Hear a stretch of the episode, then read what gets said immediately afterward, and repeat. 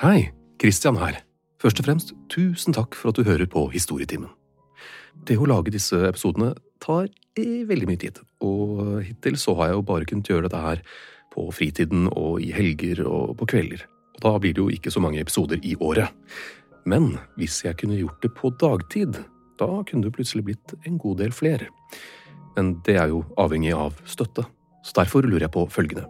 Kunne du vært interessert i å betale en liten sum for å høre på Historietimen? La oss si 29 kroner i måneden, eller 49 kroner i måneden, eller ja. Svaret skriver du rett i Spotify-spilleren din hvis du bruker Spotify, og hvis du bruker en eller annen spiller, så send gjerne en mail til hei at gjenklangstudio.no med svaret ditt. Hei at gjenklangstudio.no. Sånn, da er det bare å starte episoden. Igjen, tusen takk.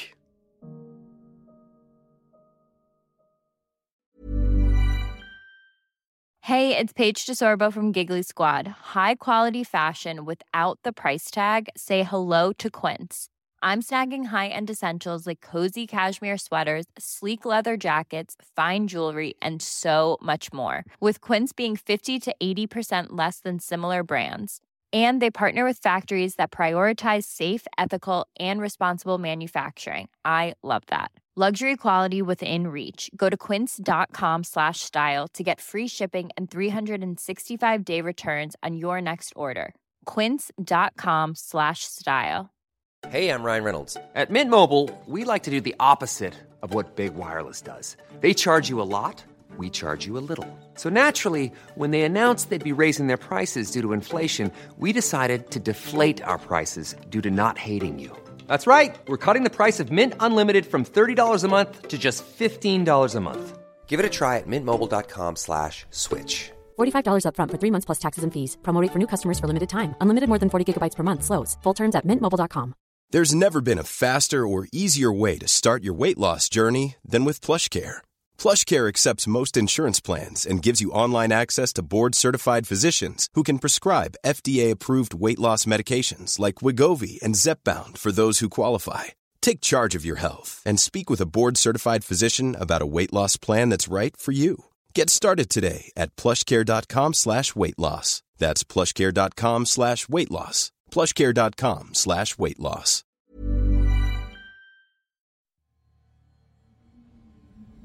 Den kom fra en fremmed verden, langt, langt borte.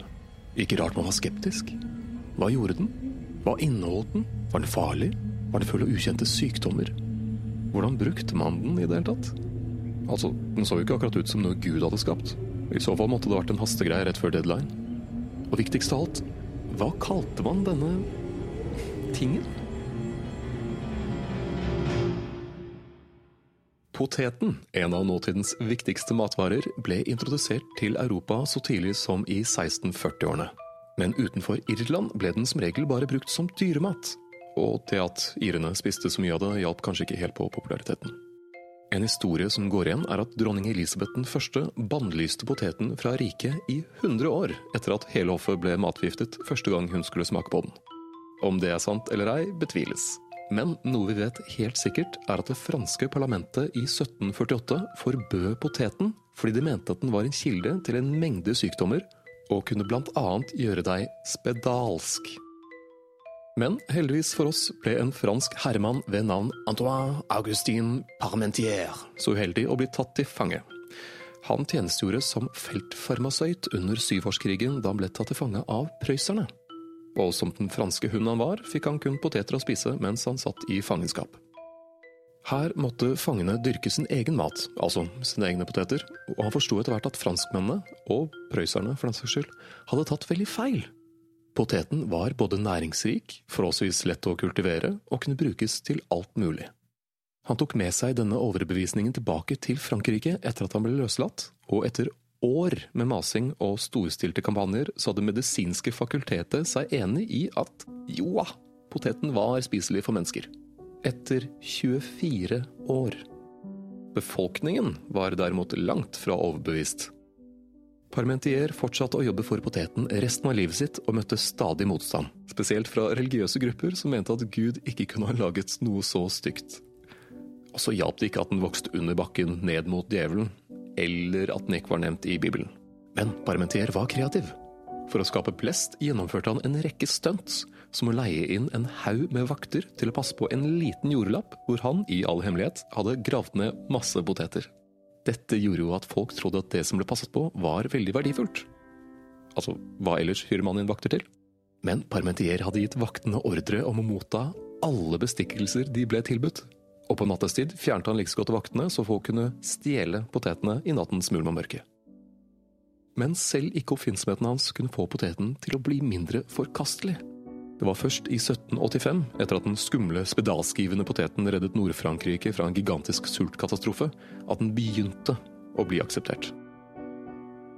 I Russland var poteten minst like lite ettertraktet. Da landet led av hungersnød i 1774, sendte Fredrik den store gratis poteter til sultne bønder. Og hvem liker ikke gratis mat? Ikke de bøndene, i hvert fall. De nektet så mye som å ta på dem inntil soldater fysisk tvang dem til det. Men med tiden fant de ut at de kunne lage vodka av potet, og ble storforbrukere. Tenke seg til. Parmentier var dog ikke alene om å vie sitt liv til potet. Eva Ekblad fra vårt kjære naboland Sverige var også svært delaktig i å fremme potetens rykte som en både anvendelig og nyttig ressurs. Såpass at hun i 1748, samme år som potet ble gjort forbudt i Frankrike, bare 24 år gammel ble den første kvinnen til å bli valgt inn i det svenske kongelige vitenskapsakademiet. Det er veldig imponerende med tanke på at slikt egentlig var forbeholdt menn. Det tok over 200 år før neste kvinne fikk være med.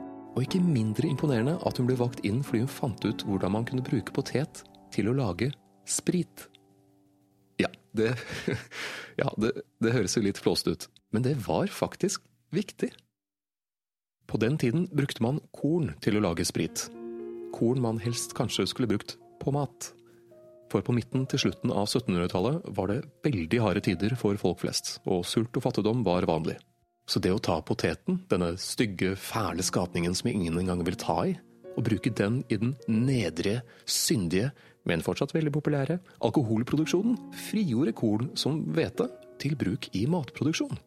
Så samtidig som hun oppdaget potetens spritpotensial, reddet hun Sverige fra hungersnød. For ei dame! Selv Charles Darwin var fascinert over poteten, og skrev følgende på sin kjente ekspedisjon om bord båten Beagle. Det er utrolig at den samme planten man finner på de sterile fjellene i Chile, hvor det ikke faller en dråpe regn på seks måneder, også blir funnet i de fuktige skogene på de sørlige øyer.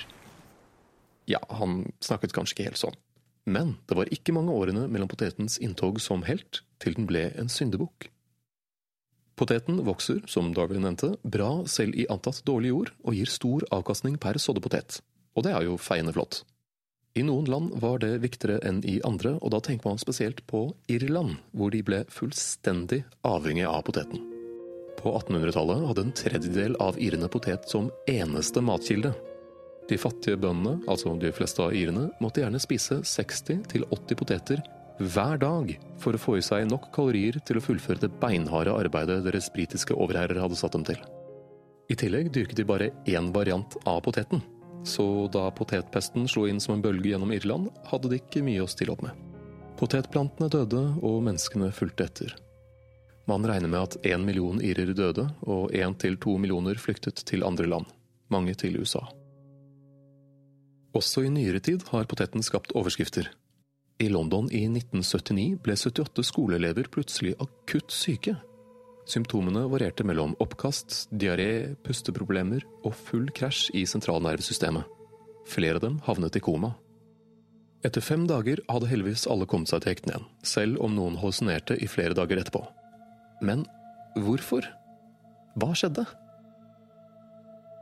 Skolematen de spiste, hadde inkludert poteter med høye verdier av solanin. Solanin er et giftstoff som er en del av potetens naturlige forsvarsmekanisme, og som også finnes i mange andre planter, som tomat, tobakk, chili og paprika. Alle disse er nemlig i familie, søtvierfamilien. Så å si alle plantene i denne familien er giftige. Men hos f.eks. potetplanten er en del av den spiselig, altså den delen vi spiser og omtaler som potet. Men hvis man oppbevarer poteten feil, altså ikke på et mørkt og kjølig sted, begynner solaninnivået i poteten å øke. Problemet oppstår ofte hvis poteten blir liggende lenge og feil oppbevart. Da kan man noen ganger se at den får en litt grønnaktig farge. Ikke spis den da. Grønnfargen er klorofyll, som indikerer at solaninnivået inne i poteten er høyt. For høyt. Poteter som har ligget lenge, får gjerne også spirer. De er også fulle av solanin, så det er lurt å fjerne de før man tilbereder maten. Opp gjennom tidene har mange blitt syke eller dødd av solaninforgiftning. Gjerne i dårlige tider da man spiser det man har. Som i Koreakrigen, hvor det var mange tilfeller av forgiftning. Men det skal en del til før verdiene blir så høye at det blir et problem. Og poteter man får kjøpt i dag, blir sjekket før de havner i butikken. Men nok om det negative. Over til det positive. Ikke bare kan poteten dyrkes omtrent overalt, fra havnivå til 4700 meters høyde, fra Sør-Chile til Grønland. Det produseres over 381 millioner tonn med poteter årlig. Den vokser fort, krever mindre vann enn f.eks. korn, gir høy avkastning, og så er den jo sunn. Poteten inneholder både B-vitaminer, kalium, C-vitamin og masse fiber. Og avslutningsvis, helt ærlig, hvor hadde vi vært i dag, som kultur, som sivilisasjon, hvis vi ikke hadde hatt pommes frites eller potetgull? Altså, hallo! Heia potet!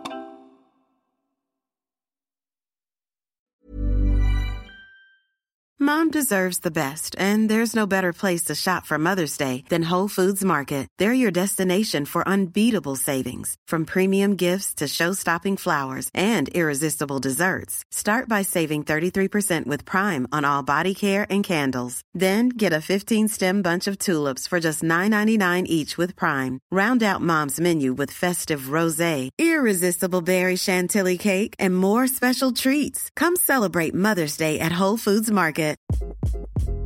Hi, this is Craig Robinson from Ways to Win, and support for this podcast comes from Invesco QQQ, the official ETF of the NCAA. The future isn't scary. Not realizing its potential, however, could be. Just like on the recruiting trail, I've seen potential come in many forms as a coach. Learn more at Invesco.com slash QQQ. Let's rethink possibility. Invesco Distributors, Inc. Hi, I'm Daniel, founder of Pretty Litter. Cats and cat owners deserve better than any old fashioned litter. That's why I teamed up with scientists and veterinarians to create Pretty Litter. Its innovative crystal formula has superior odor control and weighs up to 80% less than clay litter. Pretty Litter even monitors health by changing colors to help detect early signs of potential illness. It's the world's smartest kitty litter. Go to prettylitter.com and use code ACAST for 20% off your first order and a free cat toy. Terms and conditions apply. See site for details.